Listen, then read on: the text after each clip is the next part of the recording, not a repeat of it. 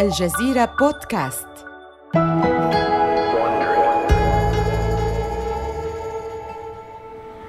إنه عام 1996 تنقل سوني المعركة إلى عقر دار نينتندو. خارج مقر نينتندو بالولايات المتحدة يقف ممثل يرتدي زي كائن عملاق أمام الباب. إنه متنكر في زي شخصية كرتونية لحيوان برتقالي اللون يبدو سعيداً. يتعقبه طاقم تصوير تابع لسوني. يبدأ التصوير ويمسك الممثل المتنكر في زي كراش بوقا يتجول به داخل موقف سيارات نينتندو. آه لدي مفاجأة. انظر إلى هذا. ما رأيك؟ تنوع وافر في بيئات ثلاثية الأبعاد تبدو حقيقية. كيف تشعر حيال ذلك يا صديقي؟ كما لو أن أيامك باتت معدودة. اسم الشخصية التي يرتدي الممثل زيها هو كراش بانديكوت وهي شخصية ابتكرتها سوني لمنافسة نجم نينتندو المحبوب ماريو. قبل ذلك ببضعة أشهر كان كين كوتوراغي مبتكر بلاي ستيشن الحالم غاضبا بسبب هذه الفكرة حتى إنه صرخ بغضب وعصبية في وجه مارك سيرني رئيس قسم ألعاب الفيديو الودود في شركة يونيفرسال بيكتشرز حين سمع عن كراش بانديكوت لأول مرة. تحمل سيرني غضب كوتوراغي وتعدياته اللفظية بمسؤولية وحكمة إلى أن انصرف بعد أربعين دقيقة. ما يكرهه كوتوراغي في شخصية كراش بانديكوت هو رغبة الجميع في سوني بأن يكون كراش هو رد بلاي ستيشن على شخصية ماريو الخاصة بنينتندو. تميمة حظ إنجاز التعبير. لكن الفكرة نفسها تثير غضب كوتوراغي وهو لا يترك فرصة للتعبير عن استيائه لزملائه. لا تحتاج بلاي ستيشن إلى تميمة حظ وبالأخص لو كانت شخصية كرتونية. دعوا الحيوانات اللطيفة لنينتندو. بلاي ستيشن ليست دمية. كراش بنديكوت يمثل كل شيء يتنافى مع شخصية بلاي ستيشن ولكن فريق سوني كان متوتراً. توجه نينتندو هجومها إلى بلاي ستيشن بقفزات ماريو 64 والتي يصفها بعض الصحفيين بأنها أفضل لعبة على الإطلاق. كانت سوني بحاجة للرد على ذلك. لذا عندما رأى فريق بلاي ستيشن لعبة كراش بنديكوت رأوا أنها قد تؤثر على تفوق ماريو وبعد أسابيع من الخلاف حولها خسر كوتوراغي النقاش. وهو ما يعيدنا إلى حيلة سوني الدعائية التي كان كراش بنديكوت فيها يتجول في موقف سيارات مقر نينتندو بأسلوب مستفز. مع بداية التصوير يمسك كراش بوقا يتجول به داخل موقف سيارات نينتندو. يا عامل السباكة ذا الشارب توشك أسوأ كوابيسك أن تتحقق. احزموا أمتعتكم. يتوجه أحد حراس أمن نينتندو إلى فريق التصوير. يبدو أن علي أن أطلب منك الرحيل. أنت تؤلم ذراعي. هل هذا اسم إيطالي؟ لا بنديكوت اسم أسترالي الأصل. تتحول هذه اللقطات المصورة إلى أحدث حملة إعلانات تلفزيونية لشركة سوني. لكنها تفشل في إخماد حماسة الجمهور المتزايدة تجاه نسخة نينتندو الجديدة من سوبر ماريو رغم كل إمكانيات سوني التقنية وقدراتها الصناعية. يصعب تصديق فشلها في إيقاف ماريو الرجل السمين الذي يرتدي زي الميكانيكي. نعم لقد عادت نينتندو إلى الحلبة.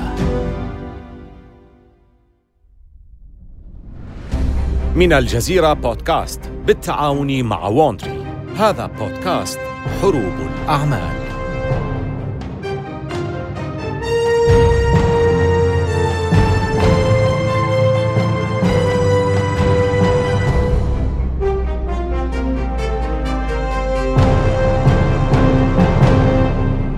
هذه هي الحلقة السادسة والأخيرة من سلسلة نينتندو ضد سوني.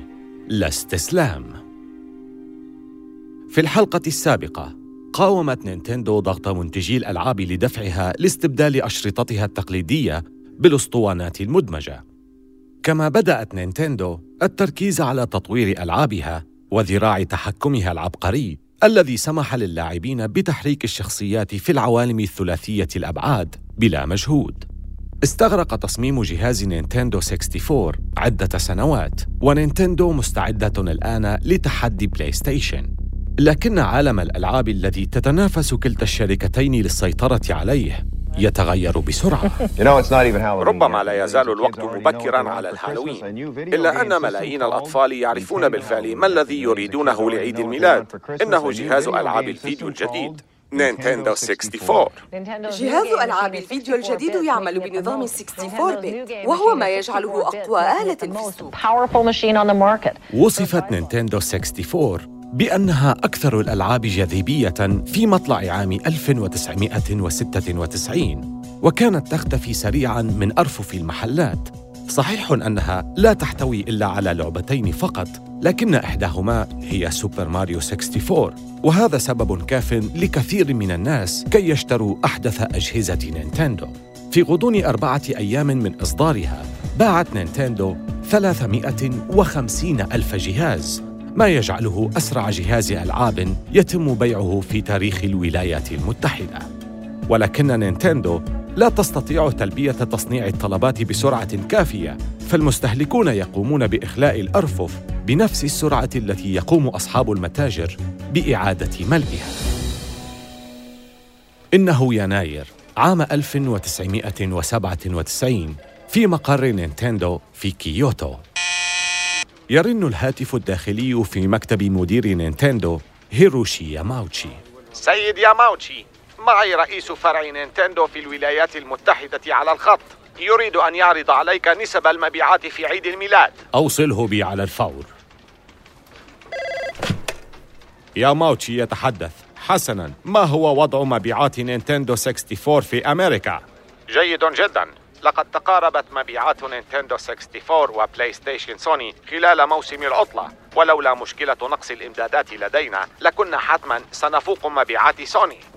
هذا جيد. جيد جدا. مشكلة الإمدادات على وشك أن يتم حلها ولن تشكل لنا عائقا. ولكن لا يجب أن نكون راضين عن أنفسنا.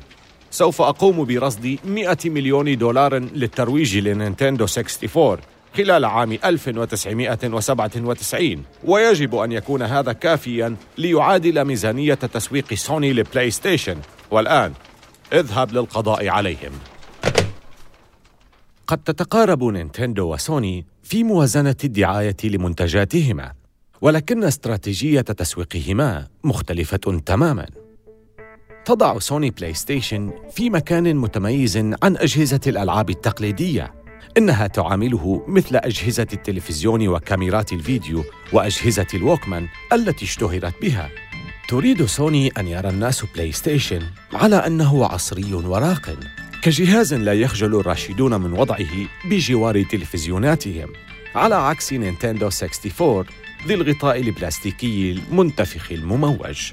ولتحقيق ذلك تعيد سوني صياغة فلسفة الإعلان عن ألعاب الفيديو فتقوم بعرض بلاي ستيشن كمنتج طموح غير موجه للأطفال وحدهم. كما أنها تقوم بعمل إعلانات لا تتضمن ظهور بلاي ستيشن أو أي من ألعابها مثل هذا الإعلان الأوروبي بعنوان حياة مزدوجة.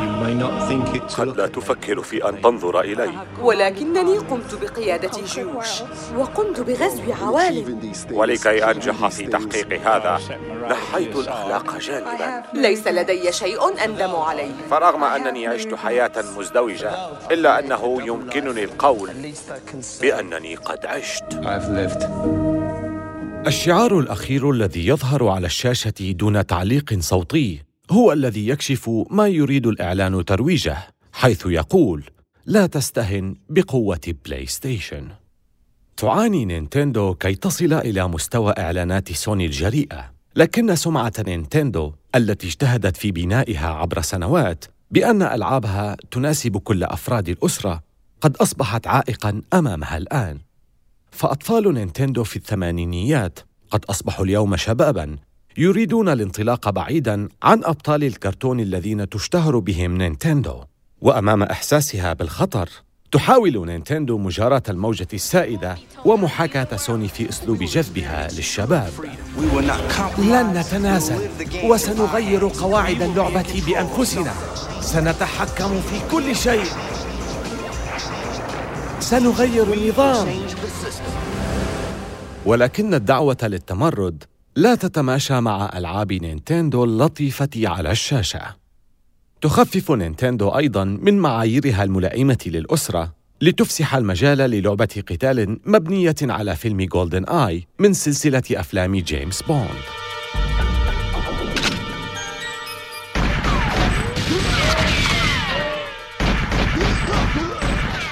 ولكن كبير مصممي نينتندو يفزع حين يرى تدفق الدماء وطلقات الرصاص الموجهة للرأس مباشرة من بندقية القناص في جولدن آي يفكر في تخفيف حدتها.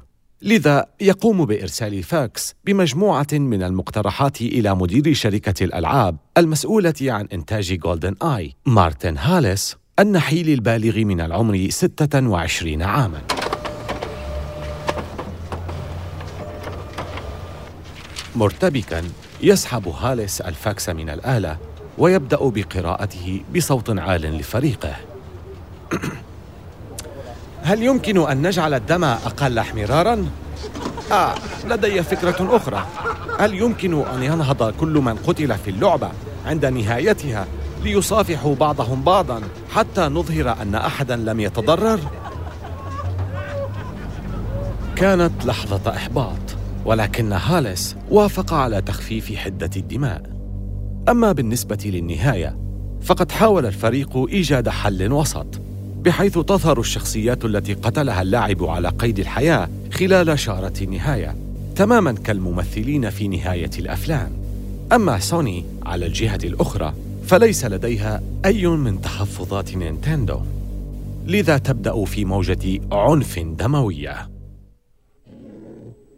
وقد يبدو هذا متناقضا. فبعدما كان كراش بانديكوت اللطيف يقفز في بلاي ستيشن يقوم الآن وحوش الزومبي بتمزيق الأحشاء في لعبة الرعب Resident Evil. ثم تتخذ الألعاب جانباً أكثر وحشية.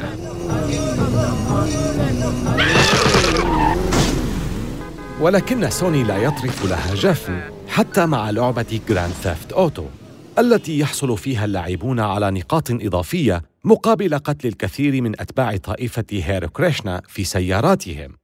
علامة بلاي ستيشن التجارية مرنة جدا لدرجة أنها قادرة على تحويل نجم من التسعينيات لم يكن يصلح وقتها أن توجد صورته على ملصق بأن يصبح نجما لامعا حتى وإن لم يكن هذا مقدرا لذلك النجم. بدأ ذلك عندما شرعت شركة كور ديزاين وهي شركة ألعاب بريطانية صغيرة يديرها جيرمي هيث سميث بإنتاج لعبة مستوحاة من سلسلة أفلام إنديانا جونز. عندما شاهد سميث ما فعله فريقه من مطوري الألعاب لأول مرة شعر بالذعر. حيث وجد على الشاشة شخصية تشبه تماما شخصية الممثل الأمريكي هاريسون فورد في الفيلم. فطلب من فريقه التخلص من تلك الشخصية على الفور. لا يمكننا استخدام هذه الشخصية. ستقاضينا شركة لوكاس فيلم. عليكم أن تبتكروا شخصية أخرى. وبعد مرور أسبوعين عاد سميث ليلقي نظرة على الشخصية الجديدة ولم يعجبه ما رآه. ما هذا؟ إنها فتاة. ابتسم مصمم اللعبة وقال نعم اسمها لارا لارا كرافت. عظيمة. أليست كذلك؟ لا لا ليست كذلك. لم يسبق أن حازت شخصية الفتاة شهرة في ألعاب الفيديو. المراهقون هم من يلعبون بهذه الألعاب. أتعتقد حقا أنهم سيرغبون في اللعب بشخصية امرأة؟ لم يكن المصمم مستعدا للاستسلام. حسنا ما رأيك لو نجرب ونرى ما سيحدث؟ وحين صدرت لعبة تومب رايدر على بلاي ستيشن في نوفمبر عام 1996 رأت سوني على الفور جاذبية لارا. تبدو لارا بخصر نحيل وجسد ممشوق لكنها أيضا قوية وذكية وليست بحاجة إلى رجل. إنها لا تجذب كلا الجنسين فقط لكنها أيضا إثبات على كون ألعاب بلاي ستيشن مختلفة. تدفع سوني الكثير من المال لتضمن عدم ظهور الشخصية على أجهزة أخرى غير بلاي ستيشن وبحلول عام 1997 يصبح العالم كله مغرما بها. إنه سبتمبر عام 1997 في معرض The European Computer Trade في لندن. يتزاحم عدد من المصورين في محاولة للاقتراب. وما يجذب انتباههم هي لارا كرافت أو بالأحرى النسخة الحقيقية منها. بينما تلمع فلاشات كاميرات التصوير تقف العارضة البريطانية رونا ميترا في زي لارا المميز المكون من سترة باللون الفيروزي وبنطال أسود. أصبحت لارا أيقونة لامعة في الثقافة الشعبية حيث باع الإصدار الأول من لعبة تومب رايدر سبعة ملايين نسخة. كما ظهرت صورها على أغلفة عدد لا يحصى من المجلات بالإضافة إلى تنافس علامات تجارية كبرى للفوز بتعاقدات مع تلك البطلة الخيالية التي تبدو وكأنها إحدى شخصيات مجلة بلاي بوي والآن ومع اقتراب عام 1997 على الانتهاء تأمل سوني أن تتوج لعبة تومب رايدر 2 موسم الانتصارات لبلاي ستيشن في عطلة عيد الميلاد. في تلك الأثناء تراهن نينتندو على شعبية لعبة جولدن آي 007 وأنها ستخطف الأضواء من سوني تباع لعبة جولدن آي بسرعة حتى بلغت مبيعاتها ثمانية ملايين نسخة حول العالم ولكن مع إغلاق المتاجر عشية عيد الميلاد كان السؤال الذي يبحث عن إجابة هو أي هذين البطلين البريطانيين سيفوز بقلوب الأمريكيين؟ القناص البارع أم المحاربة الجميلة؟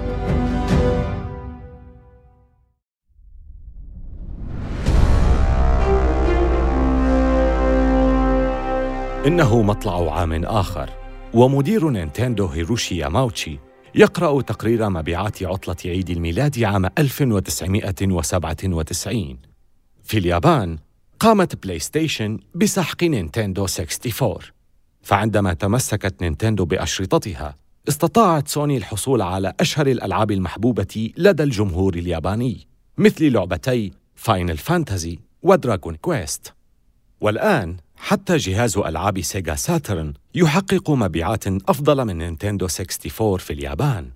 لكن الأخبار من الغرب كانت أفضل على أي حال. ففي عطلة عيد الميلاد اشترى الملايين في الولايات المتحدة وأوروبا أجهزة نينتندو 64 ولكن المشكلة أن هذا لم يكن كافياً فأمام كل جهاز ألعاب نينتندو 64 يباع تبيع سوني جهازين من بلاي ستيشن تحقق سوني الآن تقدماً لا تستطيع نينتندو مجاراته. لا تزال نينتندو قادرة على الربح، ولا يزال لديها ميزانية هائلة واستديوهات ألعاب على مستوى عالمي. وجهاز الألعاب المتنقل Game Boy الذي يحقق مبيعات تقدر بالملايين بسبب ألعاب بوكيمون الناجحة. ولكن ياماوتشي يعلم أن الوضع يتغير في سوق أجهزة الألعاب المنزلية ونينتندو فقدت ريادتها إنه يعلم أنه مهما فعلت نينتندو فإن بلاي ستيشن ستفوز بهذه الجولة من حرب أجهزة الألعاب أفضل خياراتها الآن هو أن تحافظ على حصتها في السوق الحالية حتى تستطيع أن تعد العدة للجولة التالية من حرب أجهزة الألعاب. ولحسن الحظ فإن ياماوتشي يعلم أن فريقاً من مطوري الألعاب في الشركة يعملون على تطوير لعبة بإمكانها أن تحافظ على مكانة نينتندو. أحدث إضافة في سلسلة الشركة من المغامرات الخيالية. لعبة The Legend of Zelda.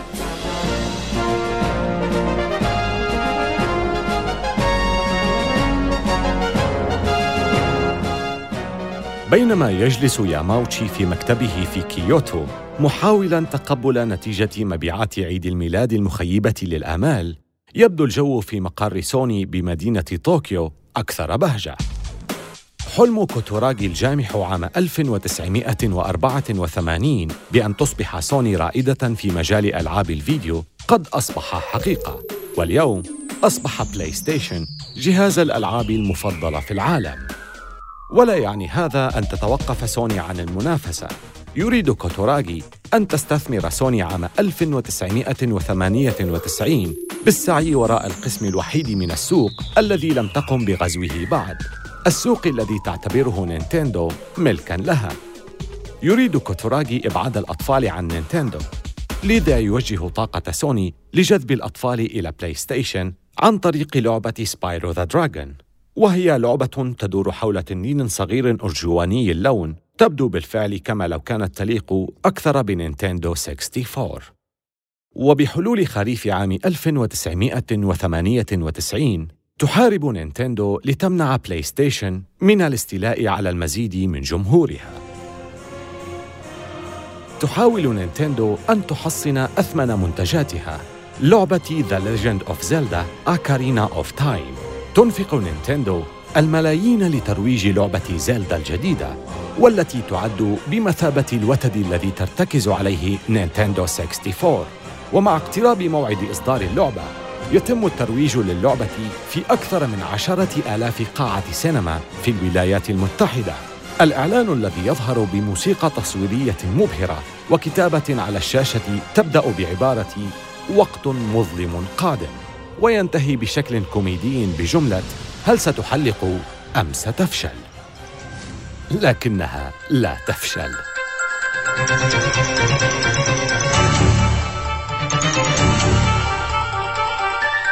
تحارب سوني ضد النجاح الذي حققته لعبة زيلدا متسلحة بأحدث ألعابها توم بريدر وتقوم بتعليق لوحات جدارية على مبان عالية في المدن الكبرى في الولايات المتحدة لشخصية لارا كرافت. وكأنها تقول إليك هذا يا زيلدا. ولكن النقاد يقولون بأن لعبة زيلدا هي أفضل لعبة صنعت على الإطلاق. وبعد أسبوعين من بيعها يتم بيع مليون نسخة منها خلال أسبوعين. يتضاعف هذا الرقم أكثر. حققت زيلدا ما كانت تحتاجه نينتندو. فعلى الرغم من أن اللعبة لم تضيق الفجوة بين بلاي ستيشن ونينتندو إلا أنها عرقلت تقدم سوني. تستعيد نينتندو حصتها كاملة في معركة مبيعات عطلة عيد الميلاد عام 1998 ولكن هذا لا يعني أن استعادة نينتندو لحصتها يزعج كوتوراغي كثيراً فبلاي ستيشن ما زالت متقدمة بأميال. وفي طريقها لتصبح أول جهاز ألعاب تتجاوز مبيعاته 100 مليون جهاز. حتى إن كوتوراغي نفسه مصدوم من حجم نجاح بلاي ستيشن لقد حققت بلاي ستيشن أكثر من مجرد الإطاحة بنينتندو والقضاء على سيجا. لقد أنقذت سوني. في مطلع التسعينيات توقفت سوني عن تحقيق أي توسع في سوق الإلكترونيات الاستهلاكية. الأيام التي أدهشت فيها سوني العالم مرارا بمنتجاتها مثل التلفزيون الملون ومشغل الأسطوانات وأجهزة الووكمان. قد مضت وخسرت سوني الكثير من سحرها. ولكن مع بلاي ستيشن فإن سوني Computer Entertainment القسم البسيط من الشركة الذي اضطر إلى الفرار من مقر شركة سوني لينجو قبل سنوات أصبح أكثر القطاعات نجاحاً في إمبراطورية سوني. ومن المرجح أن يكون كوتوراغي متمرد الشركة هو رئيس سوني المستقبلي. كما غير بلاي ستيشن شكل تجارة ألعاب الفيديو وبفضل جهود سوني في جعل اللعب ممتعا وجذابا للشباب نجحت في إيصال ألعاب الفيديو إلى شرائح أوسع في المجتمع. قبل سنتين كان الأطفال هم معظم من يلعب ألعاب الفيديو. أما الآن فأكثر اللاعبين من الشباب كما أن الألعاب لم تعد موجهة للأولاد فقط بل إن حوالي ربع مستخدمي بلاي ستيشن اليوم هم من النساء والفتيات. بفضل بلاي ستيشن أصبحت مبيعات ألعاب الفيديو في أعلى مستوياتها على الإطلاق اليوم. وخلال السنوات الأربع التالية لعام 1998 تضاعفت مبيعات الألعاب إلى أكثر من ستة مليارات دولار سنوياً في الولايات المتحدة وحدها. لا تزال صناعة ألعاب الفيديو المنافسة الأضعف لهوليوود، لكنها على وشك اللحاق بها. وقد بدأ منتجو هوليوود الانتباه لذلك. في أمريكا حققت لعبة نينتندو جولدن آي أكثر من ضعف ما حققه فيلم جيمس بوند الذي بنيت اللعبة على قصته. عام 1999 تمكنت بلاي ستيشن من هزيمة نينتندو ولكن ليس لدى كوتاراغي وقت للاستمتاع بنجاح بلاي ستيشن إنه يفكر في جهاز الألعاب الجديد المتطور بلاي ستيشن 2 أما في كيوتو يفكر ياماوتشي في الجهاز التالي بعد نينتندو 64 والذي سيكون جهاز ألعاب بدون أشرطة بلاستيكية. الأمر الذي لم يكن يتخيل حدوثه أبداً. نعم إنه يعتبرها بمثابة هزيمة شخصية لكنه يعلم أن عليه تبني الأسطوانات ليستعيد منتجي الألعاب الذين هجروا نينتندو من أجل سوني.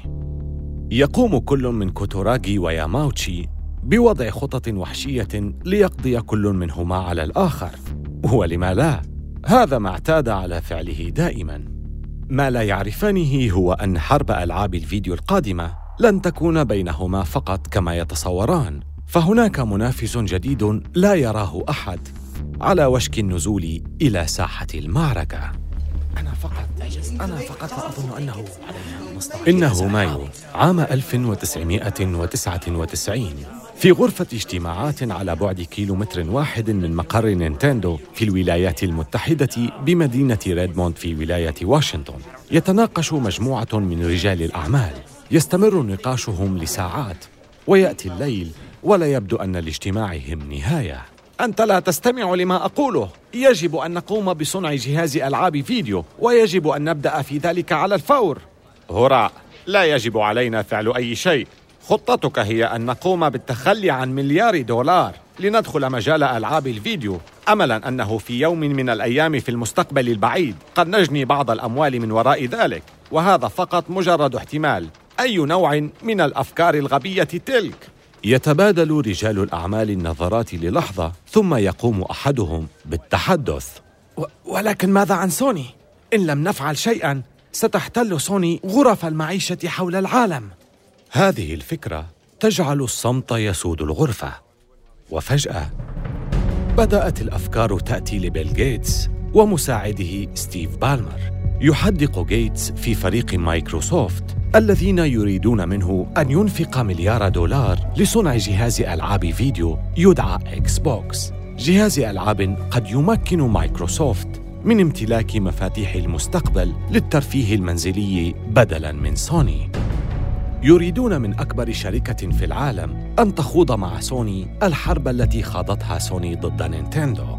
يريد العاملون أن يصبح إكس بوكس أول جهاز ألعاب بقرص صلب، كما يريدونه أن يكون أول جهاز يدعم الألعاب عبر الإنترنت عالي السرعة، والذي لم يكن متاحاً لأحد بسهولة عام 1999.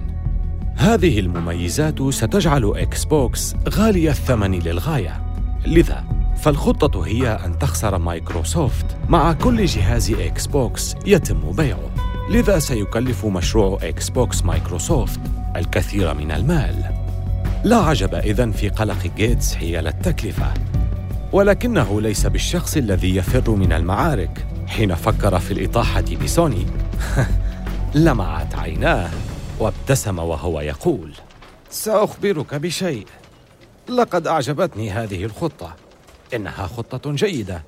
لنمضي في إنتاج إكس بوكس حرب دامت قرابة عشر سنين بين سوني ونينتندو للسيطرة على سوق الألعاب الذي يقدر حجمه بمليارات الدولارات. انهارت سيجا خلالها لكن منافسا جديدا يستعد لخوض المعركة آمل أن تكونوا قد استمتعتم بهذه الحلقة من حروب الأعمال. استمعوا إلى حلقاتنا عبر أبل بودكاست وجوجل بودكاست وشاركوها مع أصدقائكم. ولا تنسوا زيارة موقعينا على الإنترنت podcast.aljazeera.net و wondery.com وملاحظة سريعة حول المحادثات التي سردناها.